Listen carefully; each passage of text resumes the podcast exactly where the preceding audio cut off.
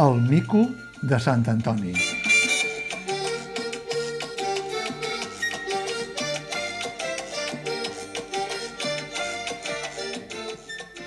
El mico de Sant Antoni no és un lloro, ni és un moro, ni és un senyor de Puerto Rico, com aquell quartet protagonista del poema humorístic que, per error, es considera un anònim de canya i cordill del segle XIX, però que en realitat hauria de tenir el copyright d'un autor ressenyat com a Sabater i Aribau. Un lloro, un moro, un mico i un senyor de Puerto Rico no és només el títol d'un dels poemes més recitats a la vora del foc durant el segle XX, quan no hi havia ni televisió ni molt menys mòbils, sinó que també va ser a la dècada dels anys 80, entre el 1983 i el 1985, el títol del mític programa de nit i matinada de Catalunya Ràdio que conduïen els malaguanyats Jordi Vendrell i Ramon Bernils amb Quim Monzó, el guionista, des de la mercantil radiofònica. Com que tots els poemes tenen vuitada, el títol m'ha vingut a la memòria arran de la denúncia que la Fundació per a l'assessorament i acció en defensa dels animals, la FAADA per als amics, portava, des de feia 10 anys, sobre un mico caputxí de nom Lino o Linitu per a la seva mestressa, que durant almenys 40 anys ha viscut amb ella, la Maria, una veïna del barri que ara té 94 anys i que, arran de la recent entrada en vigor de la llei de protecció dels drets i el benestar dels animals,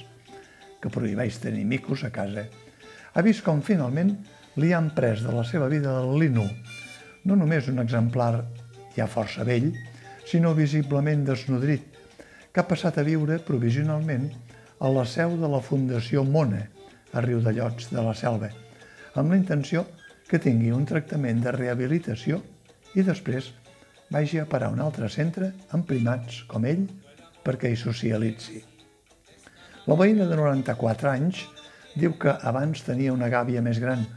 però quan es va quedar viuda el va haver de posar en una gàbia més petita. El mico,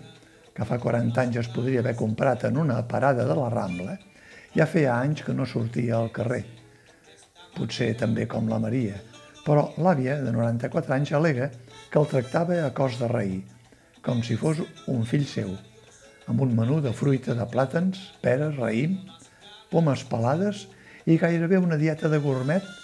amb bous de guatlla inclosos. La notícia porta cua, i no pas perquè parla d'un mico, sinó perquè fa saltar a la vista un contrast evident entre l'aplicació d'una llei i la no aplicació d'una altra llei. Té més importància la llei de protecció dels drets i el benestar dels animals que la llei de la dependència, que s'hauria d'aplicar d'ofici a una àvia de 94 anys que viu sola i que segur que necessita tanta o més ajuda que el seu mico caputxí. Però les lleis, com l'embut, tenen diferents mesures, segons com raja, si es tracta d'un mico o si es tracta d'una àvia camí del centenari. Ja ho diu un dels versos del poema Un lloro, un moro, un mico i un senyor de Puerto Rico. Ai, moro, si pierdo el loro, li diu el de Puerto Rico. Replica, cremat el moro, pagaràs ben car el lloro, o cristià, si es perd el mico.